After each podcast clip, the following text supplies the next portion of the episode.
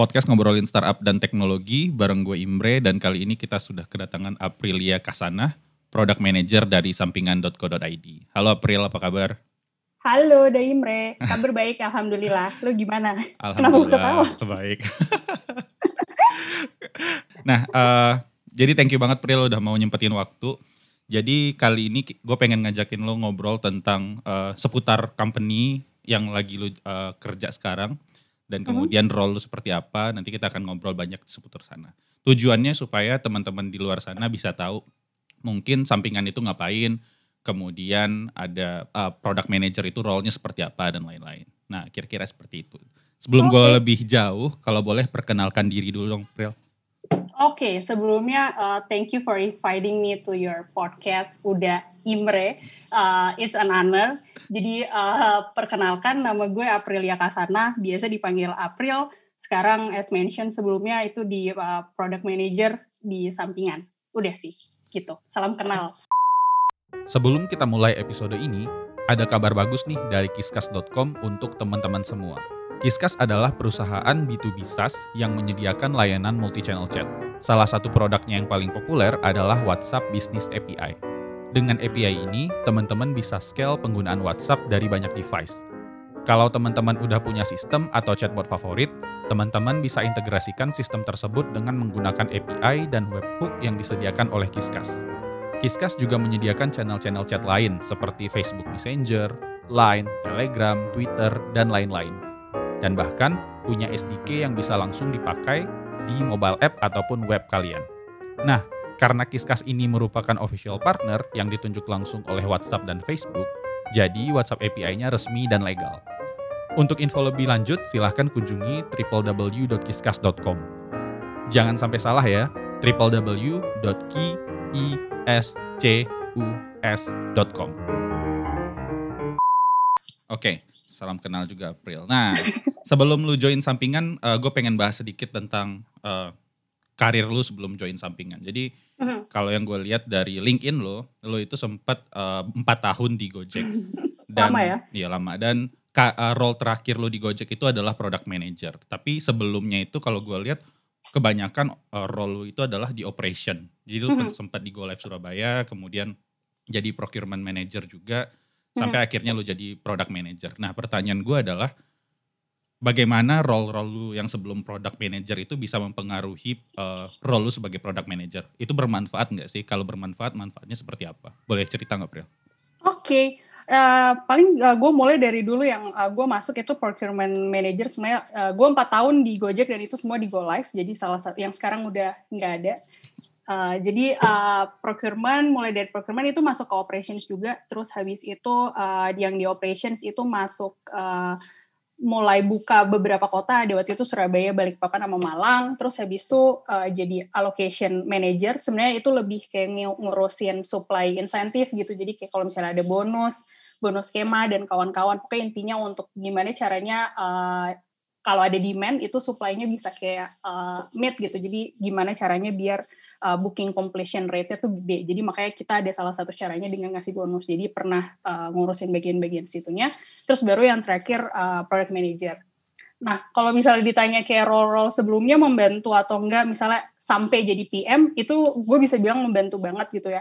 Nah, yang pertama itu sebenarnya dari operations. Jadi uh, waktu gue di Go Live itu gue PM-nya lebih ke supply ya. Jadi kan emang ada yang demand, maksudnya kayak ya aplikasi Gojek yang dipakai ada juga yang emang dari supply-nya kan untuk kayak ngambil orderannya. Hmm. Nah, karena gue PM-nya lebih ke bagian supply, jadi kayak sejalan gitu gue dari ops. Jadi kan pengalamannya sebenarnya uh, pada saat di ops kan lo tau lah lapangan kayak gimana, terus habis itu kalau misalnya ada inisiatif itu yang kayak make sense di lapangan itu kayak gimana. Jadi sebenarnya pengalamannya tuh ngebantu untuk uh, tahu bisnis dan kayak company knowledge serta kayak user dan customer knowledge-nya gitu. Jadi karena lo tahu usernya, dulu lo operations deket kan sama mereka jadi lo bisa tahu itu. Nah dari bisnisnya juga kayak lo tahu bisnis goalsnya kan maksudnya uh, ini harus kayak gimana? Misalnya harus uh, harus bener uh, supply sama demand eh, demandnya harus bisa uh, harus bisa kayak di cover misalnya kayak gitu. Jadi uh, itu itu sangat membantu. Jadi untuk kayak uh, business knowledge terus user knowledge itu ngebantu.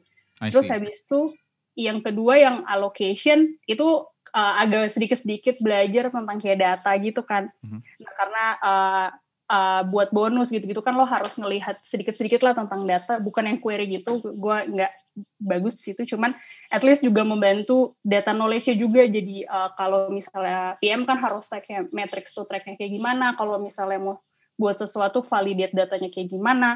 Nah itu itu ngebantu sih di situ. Jadi pengalaman sebelumnya ya ngebantunya banyak sih dari kayak yang dibutuhkan atau misalnya skills dari PM. Gitu sih, Dak. Oke, jadi uh, ketika lu develop fitur-fitur di aplikasi, lu pun tahu gimana nanti fitur itu akan dipakai dan fitur-fitur apa yang akan uh, buang-buang duit kayak gitu ya? Betul, kurang lebih gitu sih. Karena emang ya tahu user dan kayak udah bisnis goalsnya kayak gimana kan gitu. I see. Lu jadi product manager berapa tahun total? Total gue dari 2018 baru berarti ini 2000 berapa sih 21 baru tiga tahun ya tiga tahun ya? sama ya? yang di sampingan berarti sama yang di sampingan betul oke okay, oke okay, oke okay, oke nah uh, gue sekarang pengen nanya Pril tentang sampingan.co.id uh, mm-hmm. sebelum kita ngobrol jauh tentang ini boleh ceritain nggak sampingan.co.id itu sebenarnya startup yang fokus di bidang apa sih Nah, oke. Okay. Mungkin gue uh, mulainya dari kayak tagline-nya aja ya. Jadi dia tuh sebenarnya a suite of end-to-end workforce solution gitu. Jadi ya kita punya platform untuk kayak streamline sourcing, onboarding, sama workforce management untuk blue collar workers gitu. Jadi mulai dari misalnya uh, kita ada tiga sih sebenarnya kalau direkap. Yang pertama ada sampingan manpower. Sebenarnya mirip-mirip kayak outsource gitu. Jadi kayak misalnya lo butuh apa namanya uh, uh, workforce misalnya kayak logistik atau apa misalnya tenaga workforce admin atau tim apa pun itu bisa kayak request kita terus kita source dan kayak hmm. kita recruit dari aplikasi gitu sesuai dengan kayak standar yang dibutuhkan uh, klien. Terus habis itu yang kedua kita juga ada uh, sampingan solution. Jadi sebenarnya uh, mungkin ada beberapa yang di solution ini lebih kayak uh, business process outsourcing misalnya kayak gitu jadi kayak uh, kita bisa kayak ngasih misalnya field force untuk kayak lo butuhkan fasing atau lo butuh retail audit atau lo butuh apa POSM installation itu bisa di situ. Terus habis itu kedua kita ada kayak market research gitu. Jadi kayak menggunakan user base yang kita punya di sampingan platform itu juga kita gimana ya? Kayak kalau misalnya lo butuh uh, tahu your customer better bisa kayak misalnya lo butuh produk survei atau kayak customer research atau kayak online panel management itu bisa pakai juga di market research. Terus okay. habis itu yang terakhir kalau yang dari solution itu ada crowdsource lah. Misalnya kayak kalau misalnya lo mau kayak boost performance dari your product atau your brand itu bisa pakai online campaign atau brand awareness campaign itu jadi uh, bisa dipakai. Jadi intinya kayak menggunakan user base yang ada di sampingan untuk kayak yang tadi ada uh, sampingan manpower sama sampingan solution. Yang terakhir yang baru kita tuh punya sampingan sistem. Jadi ada dua gitu. Pertama kayak yang ada workforce management system. Jadi kan harus ada kayak uh, tools untuk nge-manage si uh, workforce workforce ini kan. Jadi itu kita ada WMS, kita namainnya kerjaan. Terus satu lagi ada buat bursa kerja itu kayak ya job post aja sih. Misalnya kayak ada F&B company kayak butuh apa namanya misalnya cari kasir atau apa, hmm. dia bisa kayak job post di di sampingan gitu. Jadi ya banyak kurang ya? lebih banyak banget kayak beneran end to end. Makanya tadi kayak ya. Yang mungkin, core core produknya banget yang mana bro sebenarnya karena uh, yang yang paling lama tuh jadi kita mulai dulu dari yang crowdsource itu yang sampingan solution hmm. terus bergerak ke manpower sampai akhirnya sekarang baru ke sistem. Kalau ditanya core gue agak bingung sih sebenarnya. yang dulunya dari uh, eh, B2B sekarang eh B2C sekarang jadi B2B juga gitu ya Hmm, tapi dari awal sebenarnya lebih ke B2B, iya sih. Uh, yang kayak crowdsource tapi tetap aja kayak company, dari company kan sebenarnya yang butuhkan. Jadi kayak dari awal sih sebenarnya B2B sih. Ah, sih sih. Nah bedanya sampingan ini sama uh, micro worker itu apa sih, Pri? Micro worker tuh yang kayak gimana sih? Uh, misalkan gini, kalau misalkan gue punya apa ya sistem untuk uh, gimana ya kalau machine learning ntar uh, repot banget. Misalkan gue pu punya kerjaan untuk yang sifatnya itu repetitif banget. Misalkan gue harus mencari kata-kata budi di dalam seribu lembar dokumen, misalkan kayak gitu. Itu hmm. uh, nanti akan ada orang-orang yang emang lu hire untuk specifically ngelakuin itu secara manual. Nah, apakah hmm. sampingan.com ini, eh sampingan.co.id ini sebenarnya juga melakukan hal-hal seperti itu? sebenarnya apa pun yang kayak kalau misalnya kayak lebih butuh blue collar dan kayak ya punya kayak spesifik kayak skill set yang bisa dilakukan di situ uh, bisa-bisa aja sih mau project kan atau misalnya even ada yang daily gitu kayak misalnya projectnya cuman kayak uh, satu hari atau misalnya satu minggu atau bisa yang kayak sampai misalnya tiga bulan gitu sih sebenarnya. Oke, okay. Pril, mungkin ada yang nggak tahu, jelasin dikit dong Pril, uh, blue collar ini kayak gimana Pril? Oke, okay. sebenarnya bahasa Indonesia blue collar apa ya? Uh, lebih ke uh, workforce uh, uh, frontliner gitu, okay. uh, field workers yeah, yeah. Uh, yang ada beberapa sebenarnya mungkin akan lebih kebayang kalau uh, job type gitu ya, by job type sebenarnya bisa jadi kayak misalnya uh, butuh uh, warehouse worker kalau logistik itu kayak ada warehouse worker, terus kurir, terus habis itu kalau e-commerce itu sebenarnya even butuh kayak customer service atau admin gitu-gitu itu juga uh, bisa. Kalau at, atau bisa juga misalnya kayak uh, eh, SPG terus habis itu surveyor yang kayak gitu field sales itu masuk ke situ sih sebenarnya. Uh, apa sih customer dari bukan customer pengguna utama atau company bisnis-bisnis yang menggunakan uh, jasa sampingan.co.id ini apa aja bro?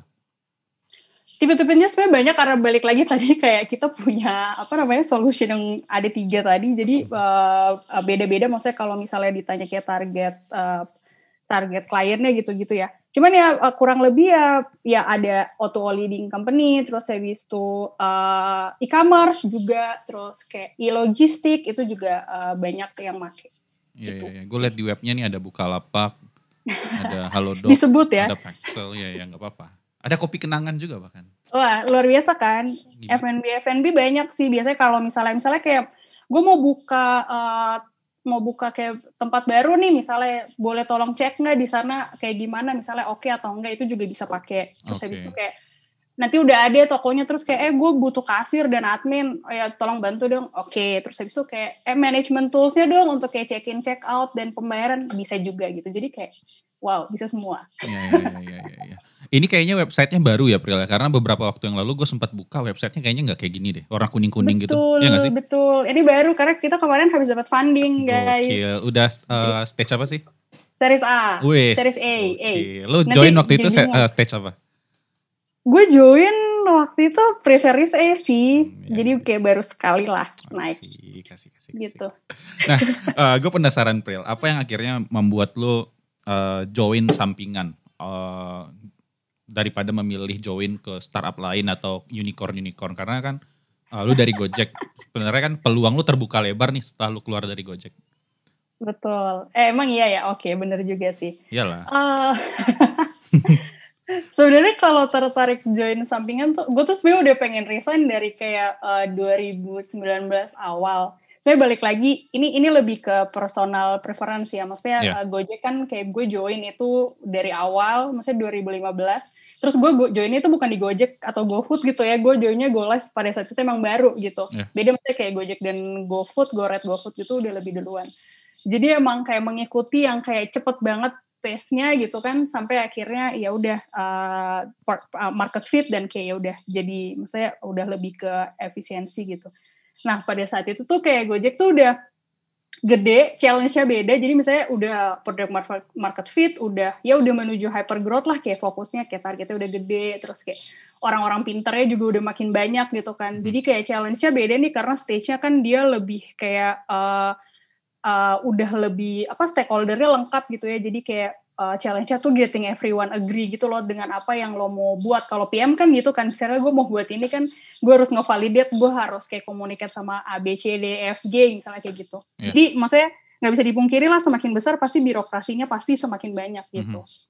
Nah, okay, okay. Uh, di situlah uh, gue sebenarnya merasa gue masih pengen belajar untuk yang kayak uh, membuat sesuatu tuh kayak udah validate terus kayak iterate aja cepet misalnya kayak gitu jadi uh, masih pengen belajar di bagian situnya. Karena balik lagi gue jadi PM itu gue 2018 ya udah dibilang Gojek udah udah unicorn unicorn bahkan yeah. 2016 2019 udah dekakorn jadi uh, udah gede estate-nya udah lebih efisiensi ya. Jadi gue pengen kayak cari yang mana yang zero to one gitu. Uh, atau misalnya building something from scratch. Jadi uh, gue itu ada dua yang tadi uh, reasonnya sebenarnya personal preference-nya gara-gara challenge-nya udah beda yang tadi. Jadi kayak dulu tuh kayak misalnya lo mau buat sesuatu tuh kayak bisa misalnya uh, hari ini kepikiran terus validate validate execution gitu. Sedangkan sekarang ya pasti ya itu yang ideal kan sebenarnya kayak yeah. harus di research dulu dan kawan-kawan gitu. Nah tapi pada saat itu gue uh, mau belajarnya bukan lebih yang itu. Karena kalau di situ kan challenge-nya lebih kayak communication validation kayak jadi kayak gitu kan ya, challenge-nya. kayak gitu ya beda ya.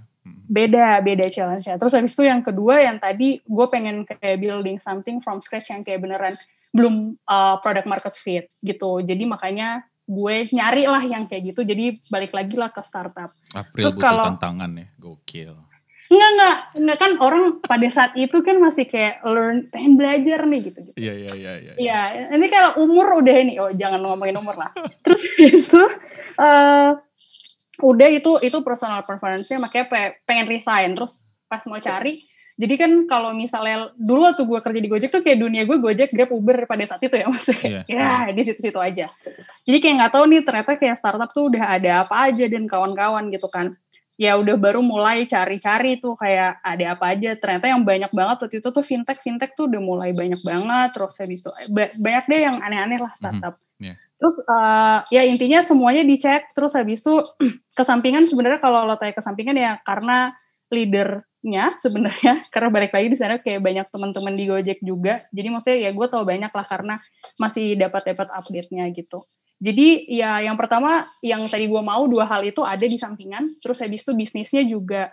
Um, ya maksudnya blue collar dulu gue service provider gitu yang kayak ya usernya masih oke-oke lah. Jadi gue nggak terlalu kaget gitu ya. Uh, apa namanya pada saat berpindah maksudnya kayak bisnisnya tuh nggak yang langsung wow beda gitu kan. Misalnya oh, usernya masih mirip-mirip jadi oke. Okay. terus itu yang ketiga leadernya sih. Ya gue percaya atau enggak kan kalau lo join startup lo harus lihat kan kayak CEO-nya atau foundernya atau si levelnya nih halu atau enggak visinya ada visi visi ada misinya atau enggak ya kayak kayak gitu kan jadi. Iya karena ketika uh, siapa uh, gue nggak tahu siapa yang ngajakin lo tapi siapa pun yang ngajakin lo pasti dia ketika ngajakin lo yang dia jual adalah value company-nya kan, bukan Betul. bukan hal-hal lain. Jadi karena emang waktu gue bikin startup pun juga gitu, ketika gue ngajakin orang, uh, eh, gue pengen ngelakuin ini loh, bukan yang di awal adalah kita bisa kasih ini loh kalau bukan kayak gitu. Jadi emang Betul. biasa. Nah, uh, kalau di sampingan Pril dari sebanyak uh, itu produk ada berapa sih tadi ada empat atau lima ya kurang lebih. Ya. Hmm. Uh, role lu sebagai PM atau product manager tuh kayak gimana? Oke, okay, sebenarnya kalau lo tanya role bakalan sama-sama aja sebenarnya dengan yang di Gojek. Maksudnya ya udah kayak uh, apa punya product vision, roadmap, uh, building, development planning, ada kayak manage team yang kayak dari engineering, product designer, data, researcher, uh, QA gitu-gitu. Hmm. Jadi kayak manage development, terus habis itu launch, iterate, balik lagi gitu-gitu sih. Sebenarnya kalau untuk role sebenarnya uh, sama-sama aja sih paling kalau di kita dibedainnya uh, berdasarkan kayak bisa dibilang flow-nya ya. Jadi ada yang sourcing sama recruiting itu dipegang PM lain, terus ada yang managing itu dipegang PM lain, dan ada yang retention itu juga dipegang orang lain gitu sih. Kalau lu megang apa? Jadi gue sekarang lagi di managing megangnya. Hmm, oke oke oke. Kalau boleh tahu di managing itu apa aja sih yang lu develop Oke, kalau kalau yang di managing sebenarnya sekarang lagi lebih ke yang workforce management system. Tadi ada salah satu yang gue buat yang kerjaan. Okay. Jadi intinya uh, pada saat emang udah ada orangnya, itu tuh apa aja sih yang mereka butuhkan untuk kayak nge-manage si workforce um, yang mereka punya gitu kan. Uh, salah satunya sebenarnya tergantung nih karena ada beberapa kayak kebutuhan. Kayak misalnya kalau lo kayak uh, warehouse admin atau misalnya lo logistik gitu atau misalnya lo driver gitu yang lo butuhkan kan sebenarnya biasa kalau lo di satu company yang penting lo check in lo masuk lo keluar uh, check out terus misalnya pencatatan lembur yang kayak gitu jadi uh, untuk kayak nanti penggajian lah intinya yeah. jadi maksudnya performance yang di maintain itu jadi lagi uh, berusaha untuk kayak membangun ke sebelah sana gitu jadi mungkin kalau HRS kan udah agak banyak tuh tapi biasanya HRS-nya lebih ke misalnya untuk kayak ya dijual ke Gojek, dijual ke ya company-company gitu kan. Ini sebenarnya lebih untuk kayak nge-manage book holdernya. Terus habis itu uh, yang kedua ada juga yang uh, kayak misalnya lo ngelakuin canvassing atau visit atau field sales, misalnya kayak untuk yang merchant-merchant atau auto activities tuh biasanya kayak butuh evidence gitu. Misalnya lo coba pergi ke merchant ABC, misalnya udah ada uh, daily task-nya gitu, terus habis itu uh, harus kayak misalnya foto uh, bener nggak misalnya lo ke sana terus atau di record misalnya okay. lo uh, ngobrol atau enggak gitu jadi ya itu evidence-nya yang kayak kita collect terus ya udah masuk database jadi kayak semua evidence itu bisa kayak hmm. uh, mereka miliki gitu rather dan misalnya reportnya dari WhatsApp atau Google Form itu sih sebenarnya kurang okay. lebihnya begitu. Uh, jadi, pertanyaan Pril, ya. uh, pandemi ini mempengaruhi uh, apa ya mempengaruhi behavior user lo nggak? Yang mengakibatkan akhirnya lo harus melakukan perubahan pada produk lo. Oke, okay. sebenarnya awal-awal pasti ya, maksudnya kayak kaget gitu, apalagi kan ini beneran banyaknya ya field worker gitu, yang beneran di lapangan yang mm -hmm. ya harus datang nggak bisa WFH gitu iya, sebenarnya. Jadi kayak uh, kita awal-awal juga kaget, tapi sebenarnya ada aja lah, maksudnya ada uh, uh, misalnya kayak mau expand, tadinya udah udah apa namanya udah mau nambahin orang, terus tiba-tiba itu di hold panjang, lama banget gitu. Tapi ada juga yang kayak misalnya uh, jadi butuh kayak misalnya pembagian masker atau misalnya kayak mengukur temperatur gitu kan jadi kayak ada beberapa kebutuhan workforce juga kan jadi kayak ya udah uh, itu itu tetap jalan. Nah cuman sebenarnya yang sampingan sistem ini juga kayak imbas dari uh, COVID sih sebenarnya bisa dibilang oh, okay. uh, kayak gitu. Jadi kan tadinya kita tuh uh, ya udah kita punya work, uh, kita punya kayak yang tadi manpower jadi lo outsource ke kita. Terus habis itu uh, ya udah kita beneran nyari terus kita maintain juga kan. Terus nanti kita juga yang gaji terus ya udah lo tinggal bayar aja ke kita gitu kan sebenarnya. Hmm, yeah. cuman pada saat corona kan banyak banyak yang inter dulu deh hold. Banyaklah project-project yang di hold. Terus uh, misalnya kayak penambahan user juga dikur apa udah nggak ada gitu kan semuanya bahkan kayak kegiatannya dikurangi. Jadi sebenarnya yang terakhir uh, kita mikirnya eh kan kita udah punya sistemnya nih. Jadi biasanya tuh perusahaan punya kayak internal yang mereka maintain sendiri tapi butuh tambahan gitu. Biasanya kan kita handle yang tambahan kan. Sorry, Saat ini tambahan yang, orang atau apa? Tambahan orang, tambahan okay. orang maksudnya. Uh, tapi pada saat corona itu nggak ada terus uh, tapi kita punya toolsnya nih kenapa kita kayak nggak ya udah jualan aja nih toolsnya untuk kayak nge-maintain orang-orang yang sebenarnya udah ada sekarang aja gitu jadi ya itu sih salah satu yang terjadi selama uh, si corona ketika uh, covid uh, mulai nih Maret tahun lalu kurang lebih. Berapa hmm. lama sampai akhirnya uh, lu bisa keep up sama pace-nya si COVID ini? Maksudnya lu bisa kembali ke on uh, on track bisnisnya?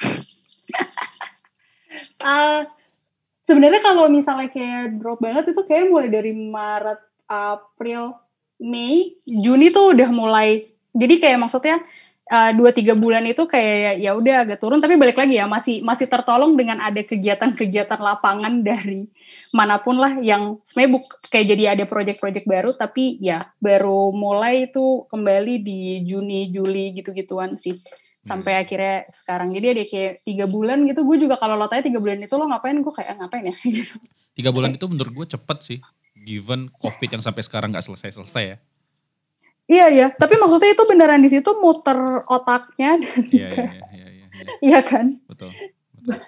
Apalagi saat itu ini kan emang banyak PHK dan segala macam itu dan pasti secara langsung juga ngefek kan ke uh, betul blue collar, itu. betul jadi kayak supply-nya tuh bisa jadi langsung banyak gitu loh da. cuman yeah, kayak yeah. demand-nya kan kita nyari demand-nya juga kayak uh, susah tapi ada aja lah kayak misalnya uh, ngukur apa ya temperatur orang kan ada kayak GoFood gitu kan jadi yeah. sekarang kayak harus ngecek itu kan butuh tambahan orang ada aja sih yang kayak kayak gitu tambahannya cuman ya yeah, yeah, yeah. struggling di awal-awal yes, nah uh, gue pengen tahu Pril dari pengalaman lu develop uh, produk uh, bebas mau sepanjang per uh, karir lo atau di sampingan.co.id dong uh, biasanya ketika lu develop produk apa bukan lu doang sih sebenarnya gimana ya pertanyaan gue mungkin ketika uh, product development apa aja mm -hmm. sih yang sering dilupakan oleh orang yang ngedevelop atau mungkin developer atau siapa pun mm. lah menurut lo apa ke mistake yang paling common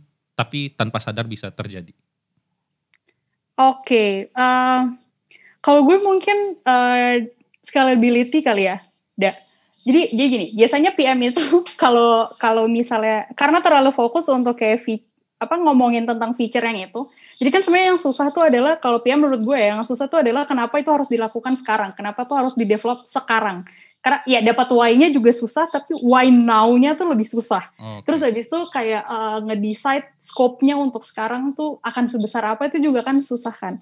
Nah jadi biasanya kalau misalnya emang udah fokus nih di di feature itu aja tuh jadi jadi lupa kayak misalnya kira-kira user yang mau dipakai user tuh mau pakai yang mau pakai ini tuh berapa banyak ke depannya terus habis itu hmm. ini tuh kalau ada use case baru bisa di expand sepanjang apa gitu jadi menurut gue emang dari engineering juga harus nanya tuh untuk yang kayak kayak gitunya ya maksudnya uh, ini kalau misalnya berhasil kira-kira kayak gimana dan lo akan expand segede apa use case-nya gitu. Jadi menurut gue yang sering lupa scalability kali ya itu ngomongnya gue nggak tahu di engineering uh, yeah. apa. Jadi misalnya nanti kayak udah high load itu gimana? Terus habis itu kayak kalau use case-nya nambah apakah kayak uh, framework yang dibuat sekarang yang maksudnya yang dipunya itu tuh bakalan kayak bisa langsung di-expand atau jadi harus kayak tech debt lagi. Itu sih sebenarnya yang yang sering dilupakan. Jadi menurut gue kayak kalau misalnya emang bisa saling ngingetin, apalagi gue sekarang yang kayak beneran dari apa zero to one ya yang tadi gue bilang. Jadi itu tuh penting banget tuh kayak eh ini lo mau buat ini tuh bakalan kebayang lo tuh siapa aja user lo seberapa banyak dan akan seberapa ribet ke depannya itu harus ditanya di awal. Gitu sih sebenarnya. Kalau apa ya? Ya sering dilupakan lah untuk pada saat develop uh, produk. Menurut itu lu waktu ideal untuk uh, go to market itu sejak start development berapa lama, Bro? Waduh, start developmentnya nih the development, Product. maksudnya kayak yang beneran MVP. Iya MVP. Oke. Okay. Kan karena tadi uh, harus, lu bilang kenapa harus sekarang kan? Otomatis kalau sekarang kan itu nggak bisa lama-lama kan? Of course, of course. Jadi ya itulah biasa orang bilang kayak kalau ini tuh harus ngejar momentum gitu ya. Yeah. Jadi kayak ya itulah yang selalu dikejar. Kalau gue sih sebenarnya kalau misalnya uh, bisa di dalam kayak satu atau dua bulan untuk kayak ya udah proof concept aja dulu, ya udah launch aja gitu. Jadi okay. emang kalau misalnya uh, yang kayak masih kecil gitu ya udah fokus on launch quickly dan iterate biar bisa iterate quickly kan sebenarnya. Jadi kalau gue sih kalau lo tanya ya kalau bisa satu dua bulan untuk nge-build itu ya jalan aja dulu Ya, ya karena proof concept. Kayak kemarin waktu COVID ketika misalkan kita ambil contoh edtech lah. Edtech itu mm. dari uh, yang awalnya sekolah normal nggak ada persiapan untuk online tiba-tiba dipaksa online kan. Mm. Dan beberapa edtech itu kan juga tiba-tiba langsung nyiapin kelas virtual segala macam dan itu waktunya Betul. singkat banget kan. Kalau dia kehilangan betul. momentum itu ya ya udah. Ya. Waalaikumsalam. Waalaikumsalam betul. Jadi itu itu itu seru sih di situ karena kayak pasti uh, kan kalau lo nggak build juga misalnya oke okay, ini ada kebutuhan ini tuh uh, tapi misalnya aduh usernya kan banyak banget ya user siapa ya? Kayak majority usernya tuh ada di mana ya? Kayak kan harus tahu kan usernya siapa.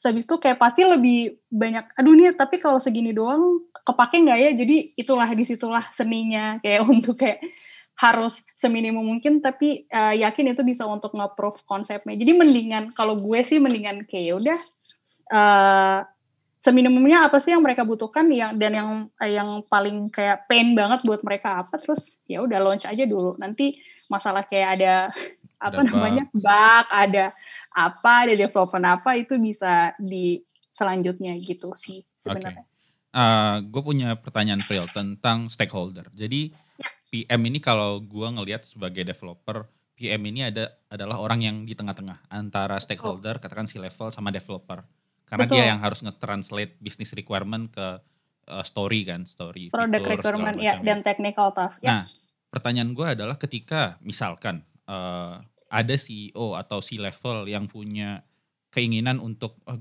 kayaknya kita harus bikin fitur ini deh. Uh, fiturnya kayak gini kayak gini kayak gini ya udah sih coba lu develop. Nah, ketika lu mendapatkan request seperti itu apa yang lu lakukan sebelum memang benar-benar lu terjun ke developer? Oh, oke. Okay kalau gue pasti tanya why-nya.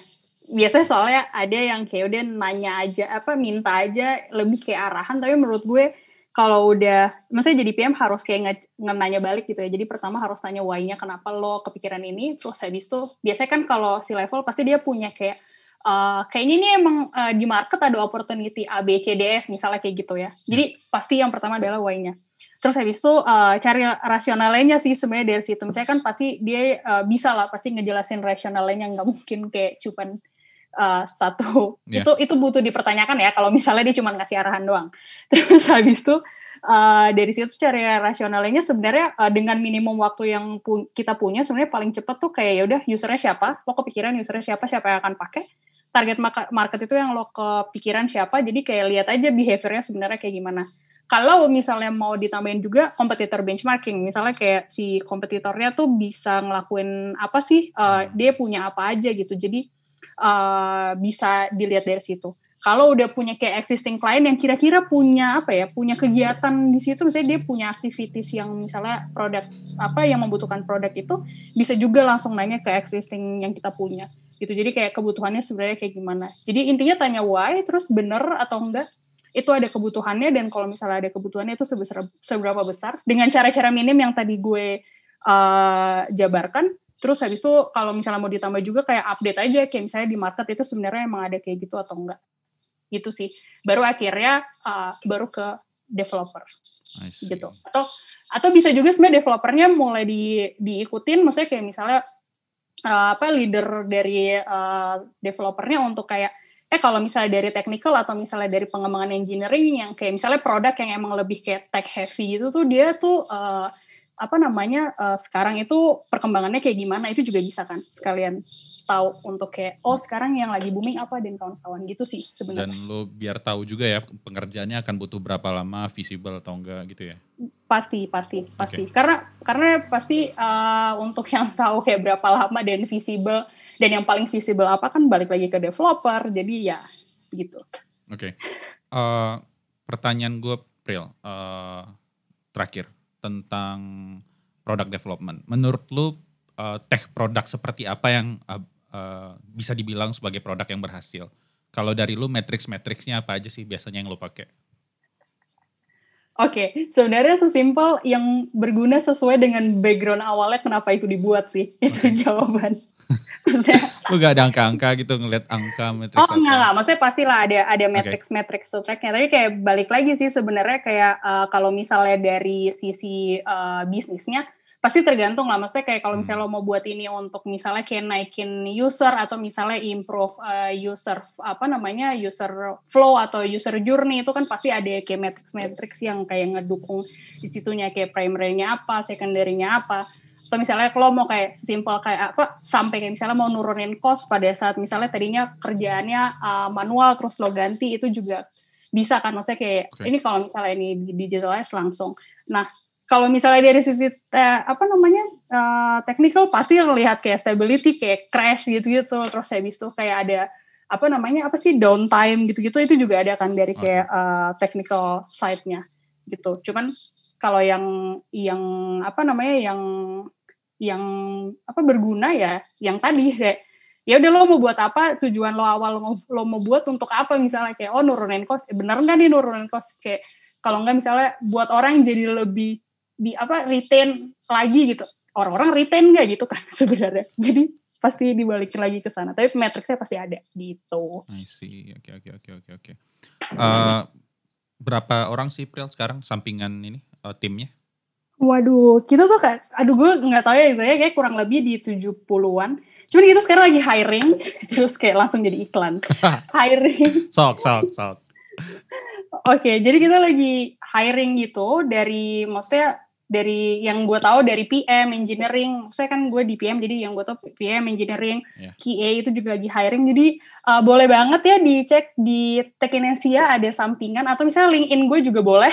Boleh japri kalau ya, misalnya ya, mau nanya-nanya. Kenapa? Boleh japri langsung ya? Ah oh, boleh boleh. Sekalian nanya-nanya aja boleh banget. Ya mungkin di sini banyak engineering sangat dibutuhkan. Oh iya ada Android developer ada ya, betul, terus macam -macam ada ya. back end, terus even yang dari front end juga yang web juga dibutuhkan gitu. QA engineering, QA itu juga dibutuhkan. Jadi kalau mau lihat langsung ke sampingan.co.id ada uh, page karir di sana. Klik aja nanti di redirect ke Tekinasia. Betul sekali. Kalau, Ih, terima kasih loh. Nah, sama-sama. uh, gue penasaran, lu ada ini nggak terkait tentang uh, product manager? Product manager itu seperti apa sih kandidat-kandidat yang lo cari? Oh oke. Okay. Kalau project manager sebenarnya balik lagi ke uh, uh, kompetensi yang dibutuhkan ya. Yang pertama lebih ke kayak strategic thinking. Jadi product manager mindset lah ya, strategic thinking, system thinking, problem solving. Karena ya balik lagi, lo kayak harus decide vision, uh, roadmap gitu-gitu ya pasti lo harus tahu kan. Terus hmm. kalau dari knowledge, ya tadi tahu usernya siapa, bisnis dan company-nya kayak gimana, tahu data, maksudnya kayak matrix to track penting banget. Terus habis itu uh, industrinya juga, jadi kayak domainnya kayak gimana itu juga butuh. Execution pastinya karena uh, lo megang development, maksudnya kayak bertanggung jawab untuk make sure dia launch gitu ya tepat waktu. terus habis itu communication karena beneran orangnya beda-beda ya maksudnya kayak lo ngomong sama desainer sama lo ngomong sama researcher sama engineering itu pasti beda-beda uh, jadi harus bagus communication dan collaboration ya itu sih kurang lebih sebenarnya okay. kalau di ranking berarti lebih ke mindset communication terus knowledge gitu sip uh, pertanyaan gue terakhir Pril Uh, Boleh. Lu kan background lu adalah teknik industri ya, terus habis itu lu join uh, apa sih tadi operation manager dan segala macam sampai mm -hmm. jadi product manager. Mhm. Menurut mm -hmm. lu knowledge uh, basic apa yang paling dibutuhin? Uh, gue nggak tahu apakah lu mau nyebut mata kuliah apa atau ada course recommended yang lu kasih, yang lu pernah lu tamatin atau apa gitu?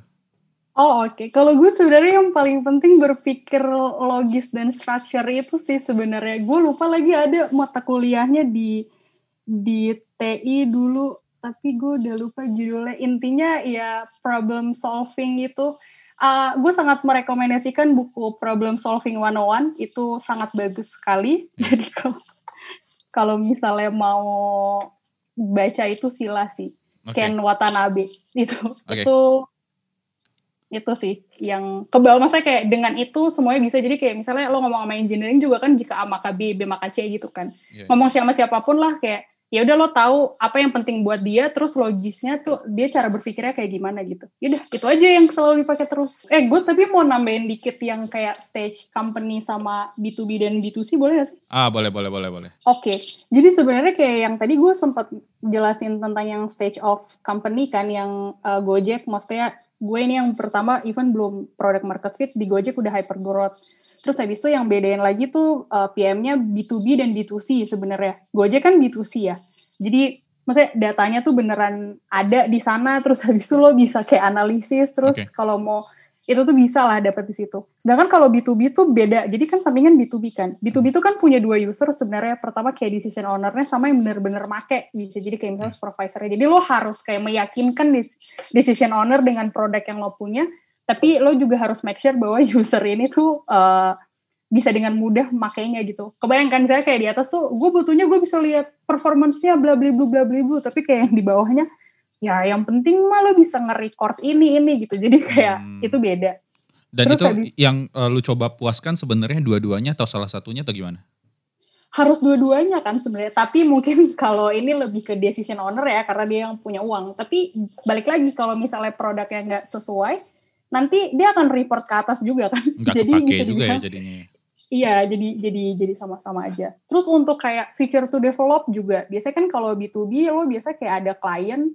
Misalnya yang spendingnya banyak di lo pasti kan lo lebih ngeprioritaskan dia kan. Biar masa dia nggak churn gitu kayak oke okay, yeah. pakai terus pakai terus gitu ya. Yeah. tapi bisa jadi kalau misalnya lo fokus ke dia juga nanti jadi kayak misalnya fiturnya tuh makin kayak kompleks. Jadi kayak misalnya nanti jadi nggak fleksibel yang kayak kayak gitu kan sebenarnya uh, ketakutannya gitu. Bisa jadi malah uh, kalau paling buruknya bisa kayak jadi customization untuk ke spesifik klien itu doang sebenarnya gitu. Mhm. Nah, nah jadi uh, pertanyaan gue sorry gue potong. Uh, boleh. Kalau lu menemukan kondisi kayak gitu, gimana caranya lu mengukur bahwa oh ya udah ini uh, untuk yang fitur yang kita bikin itu nggak bisa se detail itu maksudnya ya udah biar hmm. bisa tetap dipakai kita sampai titik ini. Nah itu lu menentukan titik itu gimana? Oke, okay. uh, itu itu itu sebenarnya jujur itu sulitnya. Jadi makanya gue pengen kayak nge-highlight di di situ.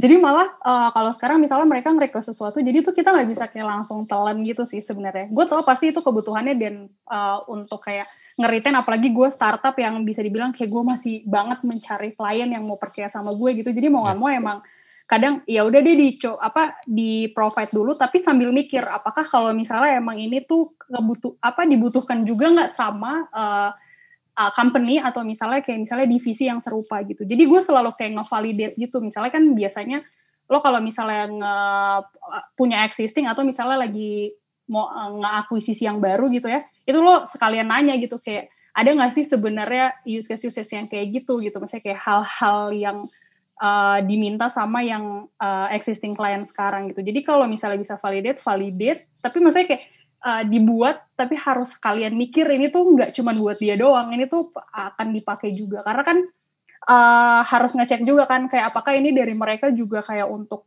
saat ini doang atau sebenarnya emang kegiatan itu udah berulang dan kayak emang pasti ada terus gitu-gitu sih sebenarnya. Kadang klien itu suka-suka mereka aja ya, gue butuh ini nih. Padahal sebenarnya mereka nggak butuh-butuh amat. Betul, ya, ya. betul. Jadi tetap harus kayak, oh oke okay, lo butuh itu sebenarnya kenapa sih kayak harus ditanya lagi kayak journey-nya sebenarnya uh, uh, untuk kayak biar nggak ada kejadian, maksudnya kayak pain points itu lagi kayak gimana gitu. Dan sebisa mungkin secepat mungkin ngevalidate uh, sama yang lain terus jadi uh, apa namanya developmentnya atau misalnya feature scope-nya tuh bisa lebih general gitu. Oh, gue bisa nge-cater dia sama uh, nge-cater kalau misalnya nanti ada akuisisi baru juga kepake. Tapi balik lagi adalah hal-hal yang tetap ya udah dia dia doang karena ya gue juga harus kayak megang dia. Cuman ya iya, iya, iya. sebisa mungkin kalau bisa ya itu sih. Itu tapi itu beneran susahnya di situ sih. Itu karena dilema semua B2B lah ya. B2B parah parah banget. Itulah uh, serunya dan gue dulu kaget sih jujur karena dari B2C dan B2B sangat beda udah kayak pindah tuh stage company-nya beda B2B dan B2C jadi tuh ada duo lah yang ya menyenangkan yeah, yeah, yeah. luar biasa Oke okay, Pril, thank you Pril uh, sharing-sharingnya. Uh, mudah-mudahan bermanfaat Sama-sama. untuk semuanya. Nanti oh. kalau seandainya ada yang mau bertanya nih, uh, lu membuka channel tanya jawab nggak atau gimana? Kalau ada yang mau tiba-tiba nge-DM ke April, keren banget, boleh nanya sesuatu. Wah, terima kasih udah Imre lebih keren. Kalian semua keren dengan cara yang masing-masing. Uh, bisa banget ke linkin gue aja cari uh, Aprilia Ria Kasana uh, yang product manager at sampingan. Boleh aja DM ke situ. Asik. Insya Allah gue akan balas uh, dengan SLE yang uh, mohon maaf ya saya mungkin agak lambat balasnya tapi saya akan usahakan. Iya Pak. Gitu apalagi kalau ada yang pengen apply ya silahkan ya ke apply. Oh iya kalau apply tuh gue mungkin agak langsung cepet tuh jahat nggak nggak maksudnya kayak aduh. Oke oke oke oke April uh, thank you sekali lagi kalau seandainya teman-teman di luar sana ada yang punya masukan atau feedback atau saran silahkan mention gue di Twitter di @imbrenagi. Jangan lupa follow podcast ngobrolin startup dan teknologi. Sampai jumpa lagi di episode berikutnya. Assalamualaikum warahmatullahi wabarakatuh. Waalaikumsalam warahmatullahi wabarakatuh. Terima kasih, semoga bermanfaat.